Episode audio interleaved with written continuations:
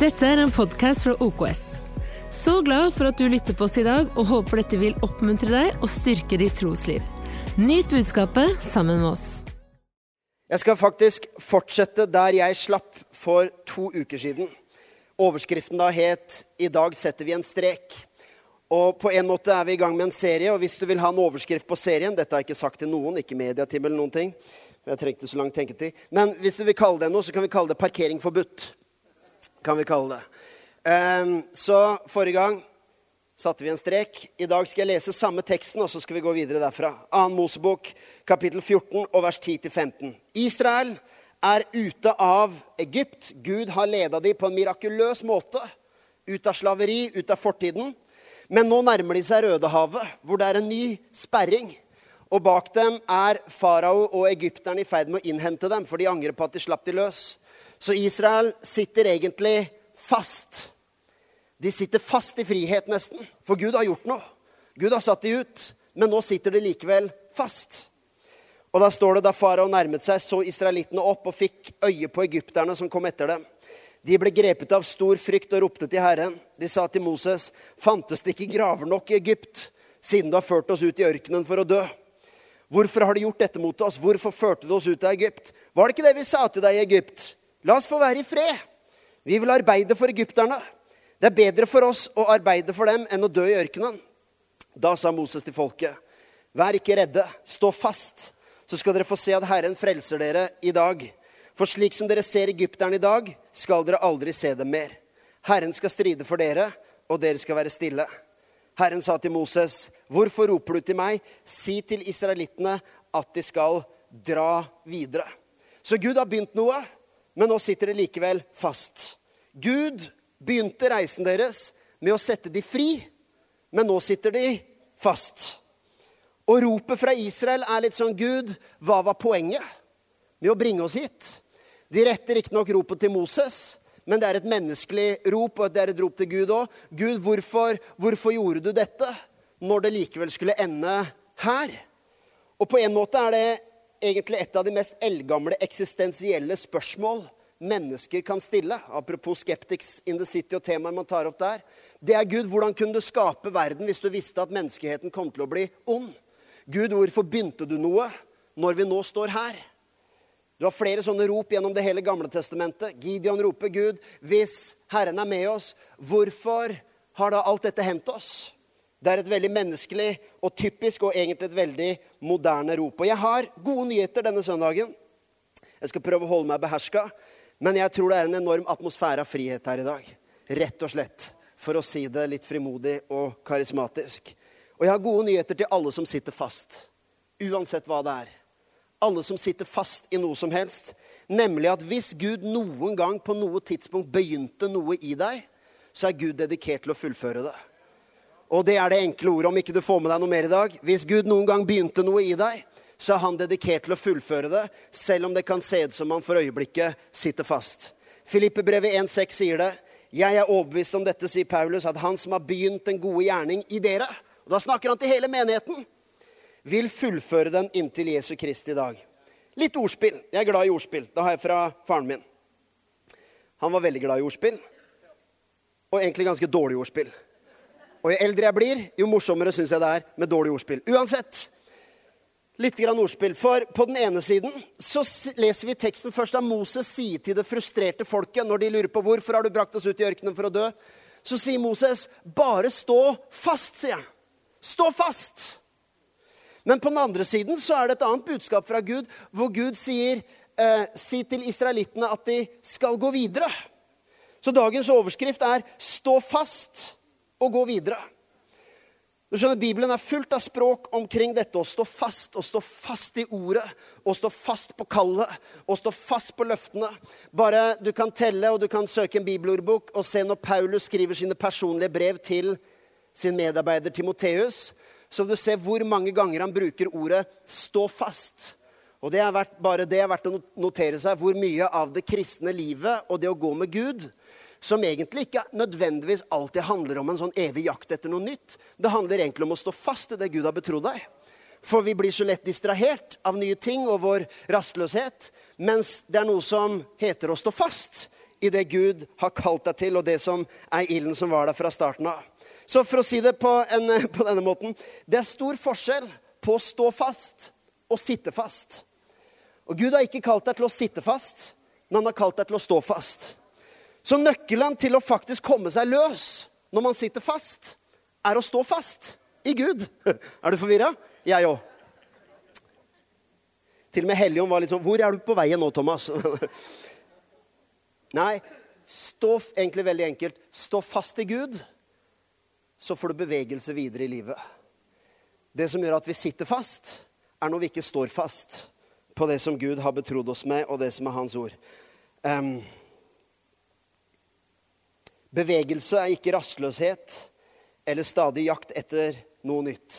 Nei, vi tror at det fins en fred som en metthet, ikke en tilfredshet som gjør at vi ikke har ny visjon og ny kraft, men det fins en tilfredshet og en fred i Gud. Vi har kommet hjem. Men fred i Gud er ikke det samme som stagnasjon. Av og til når mennesker kaller hva skal jeg si, eh, La meg si det sånn I Bibelens beskrivelse av fred så er Guds fred er nesten aldri dette at Gud har brakt deg inn i komfortable omstendigheter. Ja, nå har jeg endelig Guds fred. Nei, komfortable omstendigheter er ikke Guds fred. Det er bare fred. Guds fred er tro og tillit til Guds godhet uansett omstendighet. Det er Guds fred. Og der tror vi at vi skal stå fast i Guds fred, sånn at vi kan slippe å sitte fast i frykt. Å stå fast i forsoningen og det Jesus har gjort, tilgivelsen, nåden og kjærligheten, sånn at du ikke sitter fast i fordømmelse. Og stå fast i troen Sånn at du ikke sitter fast i stagnasjon og tilbakeholdenhet. Det fins masse folk Det fins mange ting folk kan sitte fast i. Og jeg tror både håper å si bare å si det på en litt barnslig måte, men både Guds hjerte og også egentlig litt sånn pastorhjerte. Nå skal jeg ikke påberope meg så voldsom omsorg for absolutt alle mennesker, men det gjør faktisk vondt å se folk sitte fast. Man får lyst til å rive dem løs. Men det er ikke alltid så lett. Og du, ikke, du, er ikke ment å gjøre det heller. Men det gjør vondt å se folk sitte fast i frykt. Det er vondt å se folk sitte fast i fortiden, hvor du vet at Gud har noe for dem videre. Men alle deres erfaringer, alle deres eksempler, alle deres verdier, alle deres illustrasjoner Alt er fra ting i fortiden. Um, man kan sitte fast i meninger og synspunkter som er veldig sterke. Vi har våre sterke meninger om ting og våre kampsaker. Og så ser vi ikke alltid at det er noe som gjør at vi sitter fast hvor egentlig Gud vil gi oss nytt lys og ny åpenbaring. Og som sagt, Det handler ikke om å hele tida liksom være på leit etter noe nytt. Men du verden hvordan våre meninger kan få oss til å sitte fast i stedet for å stå fast i Guds ord. For Guds ord trumfer mine meninger ti av ti ganger. Og noen ganger så kan jeg hva skal jeg si, jeg kan vitne for deg og si jeg er den største synder av alle. Hvordan Thomas sine sterke meninger ja, dette, dette mener jeg virkelig. Så gjør det faktisk bare at du sitter fast i noe som egentlig Gud har lyst å rive deg løs fra. Det gjør vondt å se folk også sitte fast i sykdom, omstendigheter, byrder. Se folk sitte fast i synd og uvaner. Hebreerbrevet 12 er det ikke der det står om eh, legg av enhver byrde som tynger, og synden som så lett henger seg fast ved oss. Det er vondt å se folk sitte fast i skuffelse, sorg, depresjon, som du kan forstå det ytre sett, du kan forstå det menneskelig. Men åndelig sett, med den friheten vi har i Jesus, så gjør det vondt å se mennesker ikke ta steget ut i frihet. Noen ganger så sitter vi fast i ting som vi ikke engang helt klarer å se klart. Jeg skal være veldig forsiktig med den påstanden.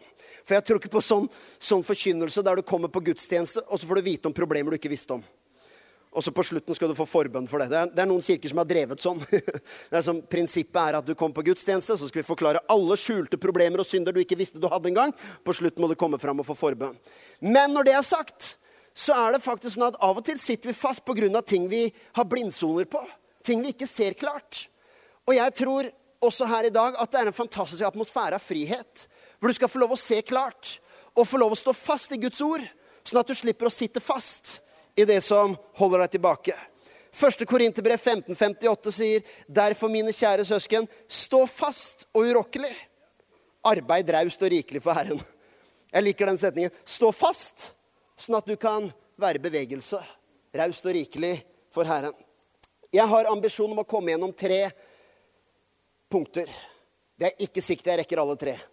Men, eh, men jeg, ber om, eh, jeg, ber Herren om hjelp til å komme gjennom så mye som mulig av det. For alle tre er like bra, skjønner du. Men her er tre ting som gjør at mennesket sitter fast. Og, og jeg skal gjøre alt jeg kan i dag for å ikke gjøre dette til en motivasjonstale heller. Men det er ganske mye i historien og i historien om Israel som er så relevant og så gjenkjennelig i livet. Det er akkurat sånn det er å gå med Gud. Og så når vi avslutter her, så skal vi feste blikket tilbake på det sentrale. På Jesus, den freden han har gitt oss. Men eh, vi må innom litt praktiske ting langs veien. Nummer én ting som kan gjøre at mennesket sitter fast, det er en forestilling om fiender en forestilling om fiender. Du vet, Dette er så typisk i Israels historie. Hvor f.eks. Når, når Gud har kalt dem til å innta Jeriko og ta neste steg i det lovede land, så er det vanvittig vi skal ikke lese den teksten nå, men de har en vanvittig forestilling om fiendene som er der.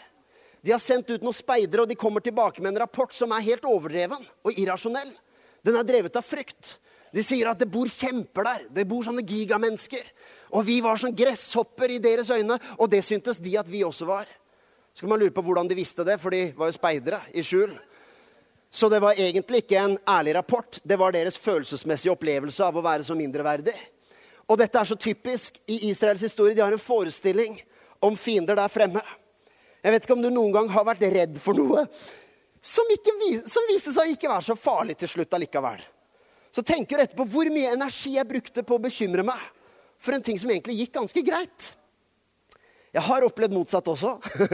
Det kan skje. Jeg kan ta eh, bare en parentes her. Eh, om det hjelper forkynnelsen, det vet jeg ikke. Men, men eh, det var faktisk Vi var og besøkte Happy News Church i Hongkong. Og vi hadde noen fridager og var på Disneyland i Hongkong. Er det Disneyland dette? Disney World? Ja. hvert fall, og der var det en, en sånn berg-og-dal-bane, en karusell. Og jeg var sammen med Theodor og Sofie. Eh, og de er tøffe på å ta karuseller og sånn, så jeg tenkte sånn her at, uh, at uh, de, de, tåler en del. Og så var det, så jeg liksom på aldersgrensen og så på de utvendige greiene. Det, det så greit ut. Og så var Theodor og Sofie var litt sånn tilbakeholdne. da. På, jeg er sikker på at dette her uh, Ja, ja, ja, dette går bra. Dette, det, denne er ikke farlig. Dere har tatt verre ting enn den her. Og jeg var overbevist.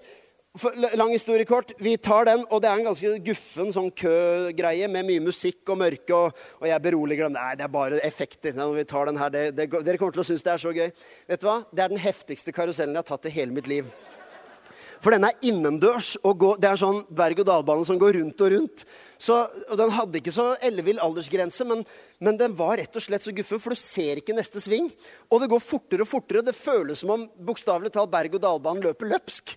Og det, og det, er mørkt, og det er sånn blinkende effekter. Og, og stakkars Theodor og Sofie ble vettskremt. Og siden har de ikke stolt på meg på noen sånne ting på tivoli. De sitter fast i frykten fra én hendelse hva vil jeg si med det? Nei, det, det hender at man kan bli overraska noen ganger av ting man var uforberedt på. Men jeg vil si majoriteten av tilfeller så, man, så, har man en forestilling om noe som er veldig vanskelig. Man har en forestilling om at det er veldig krevende å dele troen. Nå er det fantastisk at vi har denne Skeptics in the City, og sånn, men det fins også en forestilling i kirken om at mennesker er så vanskelige, de er så lukkede og de har så harde spørsmål. Det har de av og til. Men du verden hvor ofte du, du, du kan få nesten sånn herre Så vanskelig det er å liksom overbevise mennesker. Så kommer du i samtaler, og så er Den hellige ånd der. Og så er Gud der, og så hjelper han deg. Og så fant du ut at de argumentene de hadde, eller det de kjempa for, var det egentlig ikke så veldig fundament i. Så oppdager du jeg har et mye sterkere fundament. Jeg leder jo 1-0 før vi begynner samtalen. Og Det handler ikke om å vinne diskusjonen, det forstår du. Men likevel noe du så for deg var så krevende, så viste det seg at det var ikke det var ikke så fælt i det hele tatt. Her er, her er poenget mitt. Israel har en forestilling om hvordan det er å gå videre. Foran seg har de Rødehavet. De har en forestilling om det, nemlig at vi er sendt ut i ørkenen her for å dø. Og Jeg vet ikke om det gjelder alle her, men kanskje noen står bokstavelig talt også foran et Rødehav, og du tenker vel, hvorfor begynte Gud det mirakelet meg hvis det skulle stoppe her? Men vet du hva? At det å gå over det Rødehavet ender opp med å bli a walk in the park for Israel fordi Gud er til stede, og Gud gjør noe. Men hvis vi spoler en del år tilbake, så vet vi at Gud eh, kaller Moses til å dra hjem til Egypt, for det er der han kom fra. Eh, og historien er jo sånn at Moses han måtte flykte fra Egypt fordi han hadde tatt livet av en egypter. Og han, han vokste jo opp, Du har sett eh, prinsen av Egypt. ikke sant? Så han, så han flykter fra landet sitt og folket sitt og så kaller Gud ham eh, til å dra tilbake til Egypt. Og så kjenner du historien hvordan Moses kommer med en hel masse forklaringer og unnskyldninger på hvorfor han ikke kan dra tilbake til Egypt. Han sier at han er ikke talefør. Jeg er ikke en ordets mann. Så jeg skal komme tilbake til det, men han har mange unnskyldninger. Men plutselig, litt sånn ut av det blå Hvis du blar et par kapitler frem, eller nå er vi, du trenger ikke eh, slå opp der nå, men i 2. Mosebok kapittel 4, 19, så kommer plutselig et ord fra Gud om noe som Moses ikke har nevnt ennå. Men hva er det det står for noe? Jo, Herren sa til Moses i Midian, gå, vend tilbake til Egypt, for alle de som sto deg etter livet, er døde. Få tak i historien. Moses er tilsynelatende redd for å gå dit Gud har kalt ham, pga. historien sin. Han forventer at tilbake i Egypt, der har jeg fiender.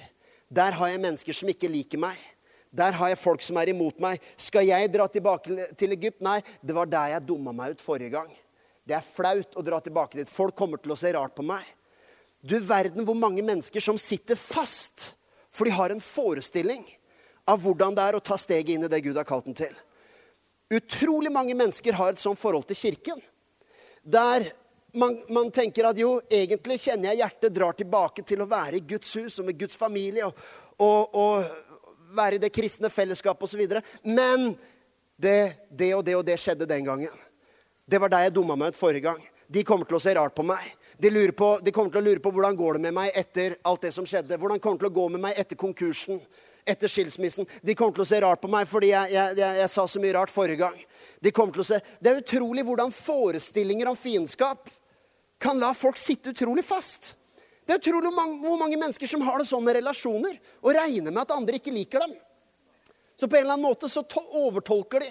Kanskje en melding som ikke ble besvart, eller noen som kommer også etter en eller annen samling hvor du sier at ja, den, han hilste ikke på meg engang. Jeg vet at han har virkelig noe mot meg. Så snakker du med vedkommende. Stemmer det at du ikke hilste på Hæ, var hun der? Det er sprøtt hvordan vår forestilling om fiendskap gjør at vi, vi, går på en sånn avvisning, og, og, egentlig vi blir sittende fast i frykt. Vet du hva? Det her kan høres utrolig banalt og enkelt ut, men jeg liker det utgangspunktet. Jeg regner med at alle liker meg, til de sier noe annet. Men hvis de har noe mot meg, så får de søren meg sette ord på det. Jeg driver ikke profesjonell gjettelek om uh, bekreftelse. Så jeg smiler til deg, og regner med hvis du ikke smiler til meg, så er det ikke meg det er noe galt. Men du har kanskje en dårlig dag. Enn å tenke hva er det jeg har gjort galt nå? Var det noe jeg sa? Var det, jeg har ikke svart på dem.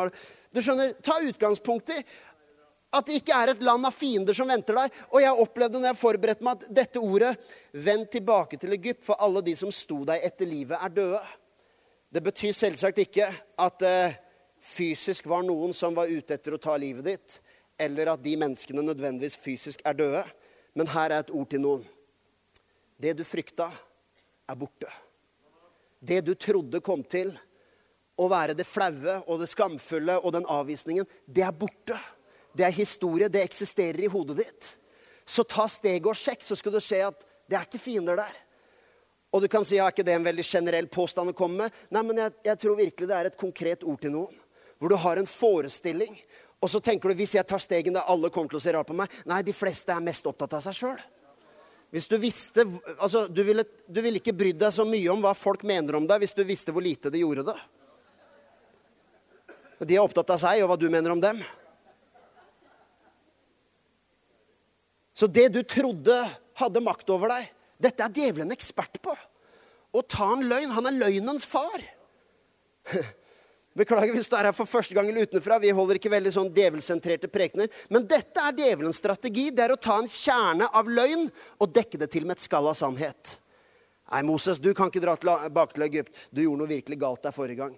Er det løgn? Ja, det stemmer litt. Men kjernen av det er en løgn. Nemlig å holde Moses borte fra det stedet han skal dra til for å befri folket sitt. Men det er pakket inn i en sannhet. Og av og til er det som gjør at vi sitter fast, er fordi vi har kjøpt en pakke fra fienden som har et skall av sannhet. Ja, du mislyktes jo der. De kommer nok til å undre på hva driver du med nå. Hva er det du vil nå? Hvorfor, hvorfor eh, liksom, Hva har foregått? Det kan være pakka inn i et skall av sannhet. Mens fienden vil bare hindre deg i å komme løs i alt det som Gud har satt fore for deg. Alle de som sto deg etter livet, er døde. Det som du trodde hadde makt over deg, har sluppet taket. Ta steget, ta sjansen. Gå i bevegelse, kryss det Røde havet og se at Gud har forberedt en vei allerede. Her er den andre. Så den første var en forestilling om fiender. Her er en annen som får mennesker til å sitte fast. Og det er omveier, eller vi kan kalle det uinnfridde forventninger. Uinnfridde forventninger. Du skjønner, Når Israel sitter fast ved Rødehavet, så kommer de med denne, dette klageropet, hvor de, hvor de sier Var det ikke det vi sa til deg i Egypt? La oss få være i fred. Vi vil arbeide for egypterne. Og jeg, jeg man, man, kan jo le av Israels folk og tenke du verden så grinete de er. For en barnehage. Men du verden så gjenkjennelig det er. Hvor mange ganger og Jeg kan ikke bla opp alle eksempler, men, men jeg begynte å ransake i meg sjøl. Og så hvor mange ganger jeg lurer på Gud hva var poenget med at du kalte oss til å gjøre dette, når det bare skulle bli dette? Gud, hva var poenget med miraklet? Hva var poenget med den helbredelsen? Når jeg ble syk igjen to år etter? Hva var poenget med det gjennombruddet når jeg nå nok en gang står fast?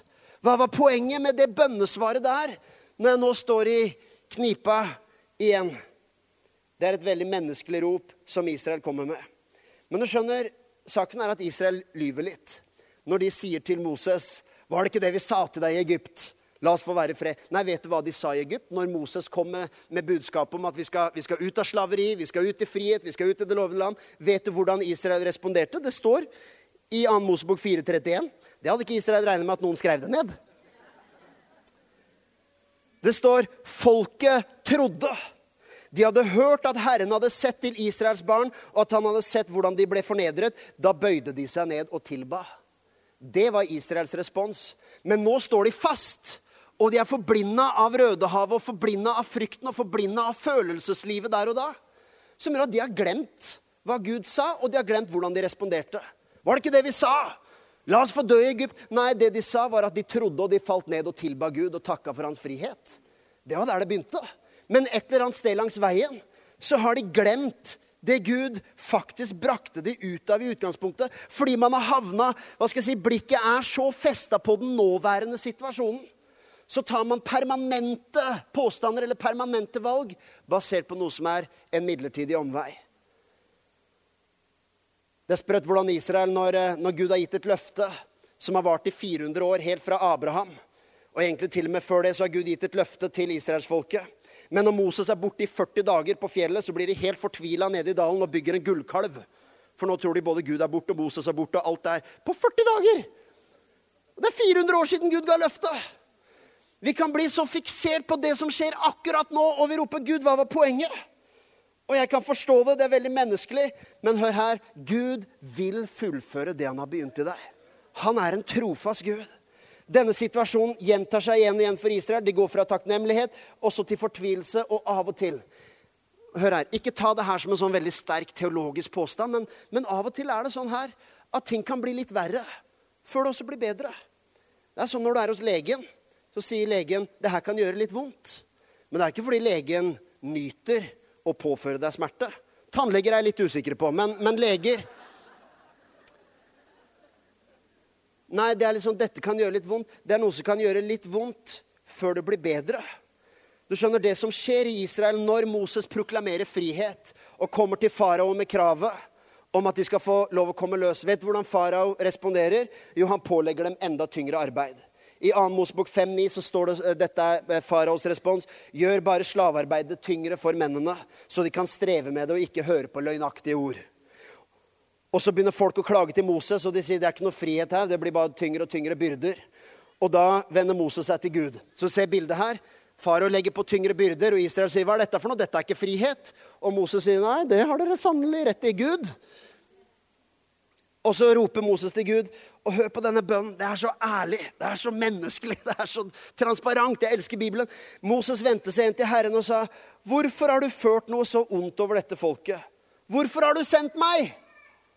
For helt fra jeg kom til farao for å tale i ditt navn, har han bare ført ondt over dette folket, og du har slett ikke fridd folket ditt ut. Ganske frimodig bønn av Moses, tross alt. Han har liksom en brennende busk og falt ned og tilbød jeg er ikke verdig og alt dette her til Å, du har slett ikke gjort det du sa du skulle! Har du bedt sånne bønner noen gang? Hvor det ene øyeblikket er det så Takk, Gud, og jeg trenger din nåde. Gud, du har jammen ikke gjort det som du skulle! Du har slett ikke fridd folket ut. Det er så gjenkjennelig. Men hør på Guds respons. Da sa Herren til Moses, og lev deg inn i situasjonen, for nå er det i en midlertidig fortvilelse. I stedet for å ha fått bønnesvar, så er bare byrden enda tyngre. Og Jeg ikke, jeg sier ikke at det gjelder så fryktelig mange, men, men av og til er det sånn Guds ord er oppbyggelig for alle. Men av og til er det også et ord som er til enkelte mennesker. Hvor du lurer på Jeg har bedt og jeg har bedt for barna mine, men de ser ut til å bare gå lenger bort fra Herren. Jeg har bedt for helsen min, men jeg føler meg dårligere. Jeg har bedt for den og den situasjonen. Og, og jeg ikke gjør det her til en regel at det blir alltid verre før det blir bedre. Men bare husk på Israels situasjon. For Gud har gitt sånne mektige løfter. Og Gud, Guds hånd er over dem på alle mulige måter. Men når Israel kun ser i den tidshorisonten her og nå, som vi ofte gjør, så ser vi ikke Guds matematikk. Så ser vi ikke Guds godhet, så ser vi ikke Guds trofasthet. Og Herren svarer Moses, 'Nå skal du se hva jeg skal gjøre med farao.' Jeg liker Guds snakkemåte òg. Watch me. For ved en mektig hånd skal han la dem fare, og ved en mektig hånd skal han drive dem ut av landet sitt. Deretter kommer det mange vers i kapittel 6 hvor Gud bare stadfester sine løfter. Gud stadfester sin pakt med Israel. Og så kommer vers 9. Så talte Moses dette til Israels barn, men de hørte ikke på Moses fordi de hadde en utålmodig ånd. Og av det harde slaveriet. Det var for tøft til å stå fast i Guds ord. De ble sittende fast pga. en utålmodig ånd, i stedet for å stå fast og stole på at alt det Gud har begynt, skal fullføres. Være en utålmodig ånd? Jo, det er simpelthen å glemme. Glemme Guds ord, glemme Guds løfter. Det er sprøtt av og til hvordan mennesker kan bekjenne en sannhet i 20 år. Så møter de en situasjon hvor alt liksom, plutselig er alt glemt på en dag, for nå føler de seg så dårlige. Men jeg har et ord. Gud vil fullføre det han har begynt. Ha en tålmodig ånd. Ikke stå fast pga. en utålmodig ånd. Stol på at Gud er i gang. Gud arbeider for deg i kulissene. Dette er ikke, happy, det er ikke prosperity preaching, men jeg tror virkelig på at Gud er trofast. Av og til så er til og med det som ser ut som omveier, er bare Guds godhet. Faktisk står det helt spesifikt her. Det står i kapittel 13, 2. Mosebok 13, 17-18, når de drar ut av Egypt. Hør på dette her, da. Da farao lot folket fare, skjedde det at Gud ikke ledet dem langs veien til filistrenes land, selv om den lå like ved. Så den kjappeste veien var gjennom filisterne. For Gud sa at folket kunne komme til å angre seg når de ser krig og vende tilbake til Egypt. Så Gud lot folket ta en omvei gjennom ørkenen, til Rødehavet. Israels barn dro opp fra landet Egypt i sluttet orden. Jeg sier ikke at alle omveier er Guds vilje. Ja, Gud ledet deg ut i ødemarken for en grunn. Men kan det være sånn av og til at det som ser ut som omveier for oss, det som gjør at vi roper 'Å Gud, hva var vitsen med at du kalte meg når vi skulle stå her nå?' Kan det være at Gud i sin godhet, i sin allvitenhet, leder deg på en vei som gjør at du ikke mister motet og dør langs veien? Kan det være at noen ganger så er Hva skal jeg si? Egentlig liker jeg ikke sånn derre 'alt har en mening'-tankegang. Alt har destiny. Men jo lenger man lever, jo mer ser jeg, vet du hva? Gud er trofast. Og ting som så ubetydelig ut, eller ting ting som så meningsløst. I enden så ser det ut som wow, Gud lot oss ta en omvei fordi han ønska å beskytte oss fra den raskeste veien. Han ønska å beskytte oss fra noe som kom til å ta livet av oss i utgangspunktet. Av og til ble det litt verre før det ble bedre, fordi vi måtte kanskje eksponere noen ting. Vi måtte kanskje gjenkjenne noen ting, vi måtte kanskje se noen ting. Men Gud er trofast, og han vil fullføre alt det han har begynt. Ikke ha en utålmodig ånd. Heng på! Stol på Gud. Stå fast i Guds løfter. Ikke parker i mismodighet og skuffelse. Stå fast i ordet. Stå fast i det du er opplært i. Stå fast i kallet ditt. Gud har tenkt å fullføre det han har begynt. Stå fast, sånn at du kan fortsette å bevege deg. Amen? Amen. Den tredje og siste. Oh. OK, vi tar den nå. Så skal vi avslutte kamuflerte forklaringer. Vi har snakka om forestilling om fiender. Vi har snakka om uinnfridde forventninger. Her er en siste ting som gjør at mennesker kan stå fast. Er du med meg siste par minuttene her? Du skjønner, kamuflerte forklaringer. Jeg synes, eh, Bare, bare en, en, eh, en, alternativ teori i teksten. Når Gud kaller Moses, så vet han at Moses har flere innvendinger. Gud, jeg er, ikke, jeg er ikke talefør, jeg har ikke ordets gave, jeg er ikke en ordets mann verken før eller nå. Så han har sine forklaringer. Det går på at han ikke er kvalifisert nok. Og man, det kan se ut som Moses står fast i at han føler seg mindreverdig. Men så kommer Gud senere, ut av det blå, sånn som vi sa, og sier de som sto der etter livet, er borte. Man kan lure på er det det egentlig Moses trengte. Her er en teori. Moses har forklaringer på hvorfor han ikke vil til Egypt, som ikke er løgn. Jeg tror han snakker sant. Ja, jeg føler meg ikke talefør, føler meg ikke kvalifisert. Mens det som egentlig er den store frykten for Moses, er de menneskene som han tror er ute etter ham. Han er redd pga. hans tidligere historie i Egypt. Jeg vet ikke hvor ofte dette her skjer i det daglige med barn f.eks. Jeg har vondt i magen i dag, vil, derfor kan jeg ikke gå på skolen. Lyver de? Av og til. Men du verden så ofte barn kan peke på en forklaring for noe som handler om noe helt annet. Jeg har vondt i magen, mens egentlig ble de erta dagen før. Egentlig er de redd, for i dag skal de ha matte. Så jeg har vondt i magen. Jeg føler meg ikke helt frisk. Jeg vil ikke den bursdagen. Ja, hvorfor ikke det? Det er kjedelig der. Egentlig er det ikke det som er grunnen, men det er fordi det kommer en som de er redd for. Det som er så åpenbart, er at med barn så er så, det er så lett for oss å snakke om det når det gjelder barn. Derfor så vet alle som jobber med barn, både profesjonelt eller som bare er foreldre eller har en eller annen erfaring med å, å snakke med barn, så vet vi det her så ofte at de kommer med forklaringer. Og, og, noe av utfordringen og noe av virkelig oppdraget for en voksen er å få tak på hva som egentlig er der. Hva de egentlig er urolige for. Med barn er det så lett å snakke om det her. Og så overser vi at vi voksne gjør akkurat det samme. Vi er prikk like. Og det Jeg skal si nå, jeg skal ikke forsøke å leke psykolog, men jeg tror jo lenger jeg lever, og jo som pastor så har man mye med mennesker å gjøre, at dette er påstanden. Det er vanskelig for oss mennesker å si hva det egentlig handler om. Veldig ofte. Når mennesker er sinte på noen Du ser noen av, Hva med mennesker som fyrer løs i mediene med rasistiske uttalelser og full av hat? fordommer og hatefull tale, så lurer man på er det, hva er det egentlig som er problemet. Det viser seg utrolig ofte at de f.eks. er ensomme. De er fryktelig aleine. Så med barn så er det lett. Man ser at Når et barn har utagerende atferd, så tenker man det er en grunn. Det er noe annet som foregår, og alle, alle er med på notene. Alle forstår at hvis det er urolig i hjemmet, så kan også det å være utagerende på skolen er en forklaring. Men med voksne sitter det mye lenger inne for oss å innrømme at vi gjør det samme. At mennesker blir rasister, ikke fordi de er redde for at det skal komme innvandrere. De blir rasister fordi de er ensomme. Et eller annet sted må jeg få ut mitt sinne.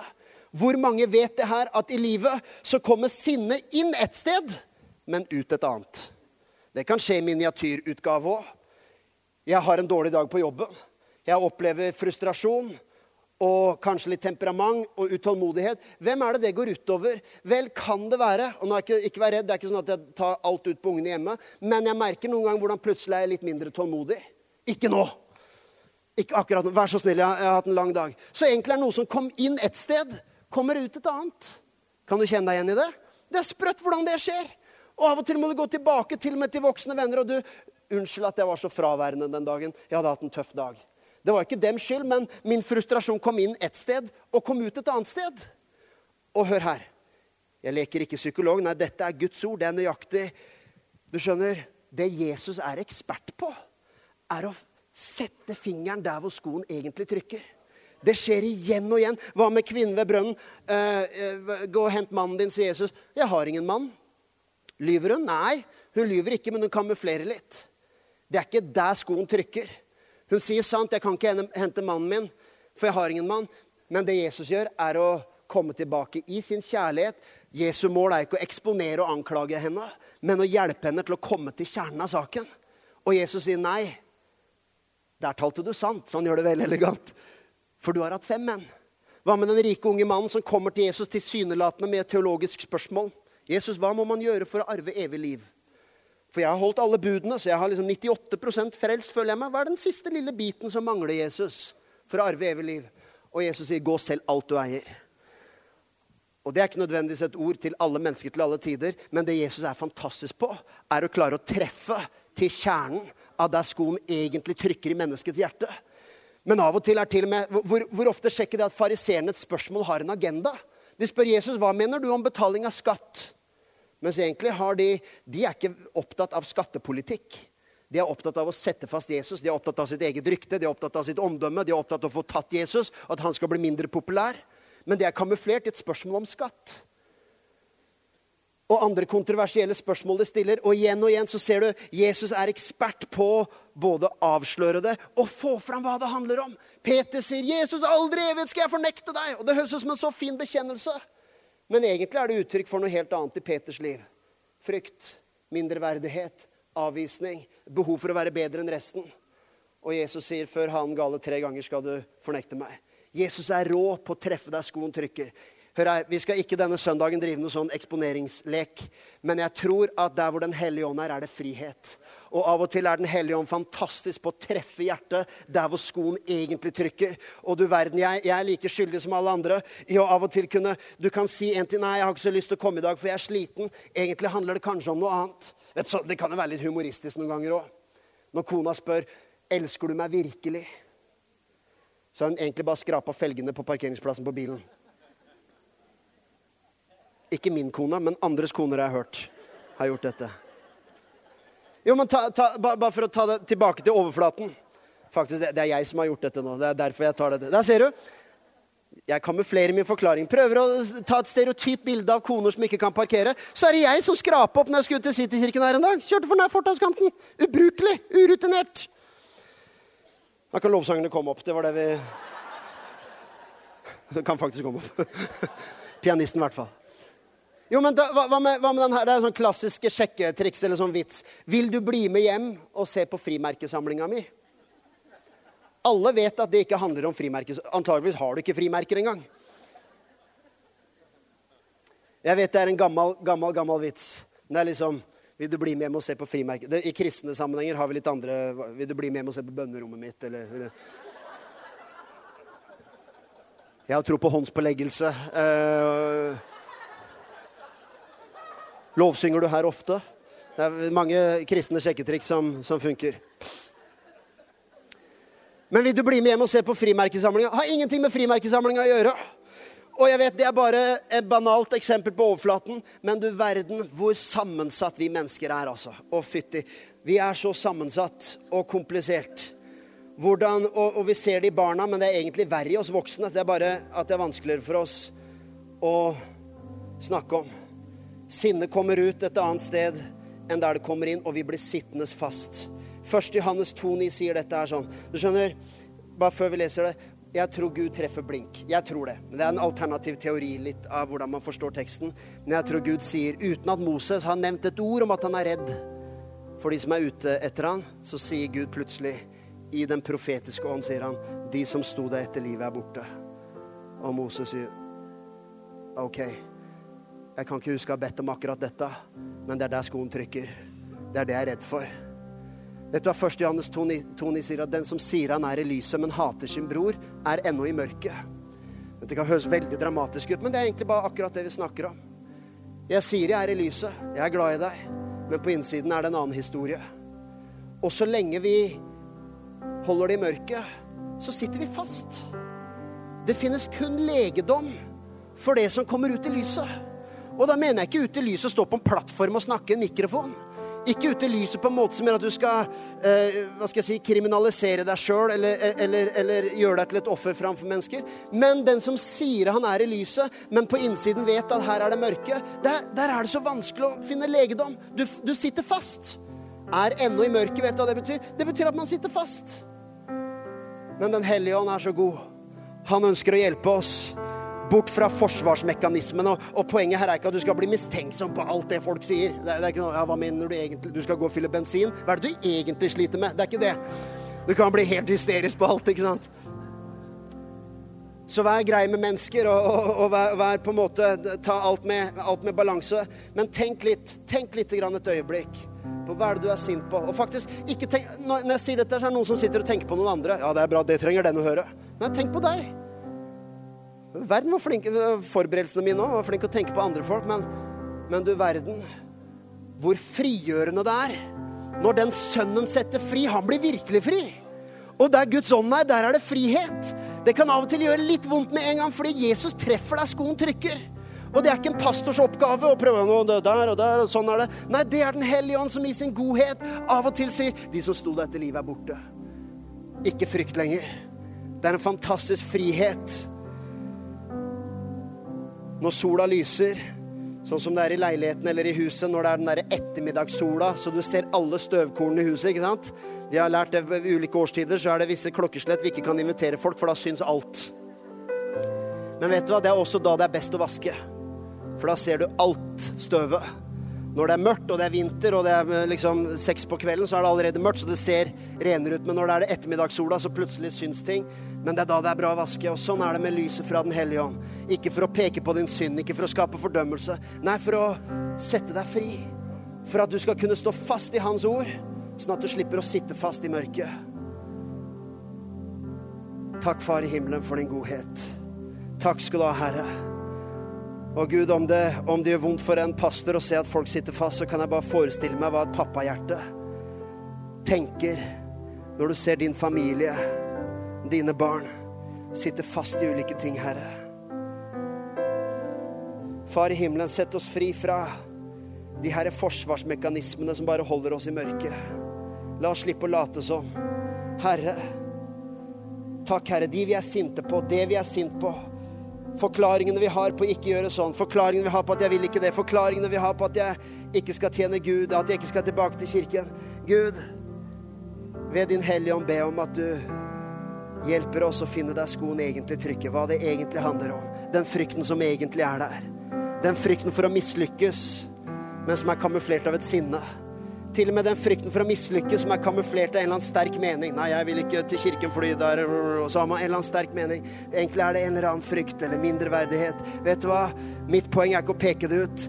Mitt poeng er å peke på Jesus, som er frihetens konge. Fredsfyrsten. Og akkurat som Jesus gjorde med mennesker når han gikk omkring på jorda. Han klarte å treffe blink med den rike unge mannen. Han klarte å treffe blink med Nikodemus. Han klarte å treffe blink med, med, kvinnen som var grepet i en eller annen seksuell umoral. Han traff blink med kvinnen ved brønnen, hvor de hadde en ytre forklaring, men Jesus hadde en, hadde en indre en. Akkurat som Jesus traff blink da, så treffer Jesus blink i dag også. Takk, Far i himmelen, for din godhet. Takk at denne søndagen skal få lov å være et øyeblikk av frihet for mennesker. I Jesu navn. Takk for at du tok deg tid til å lytte på en av våre podcaster fra OKS. Vår visjon er å bringe Jesus til mennesker i vår verden, og mennesker i vår verden til Jesus. Følg oss ellers på vår YouTube-kanal og sosiale medier. Du er velkommen til å besøke en av våre kirker. For mer informasjon, sjekk ut oks.no.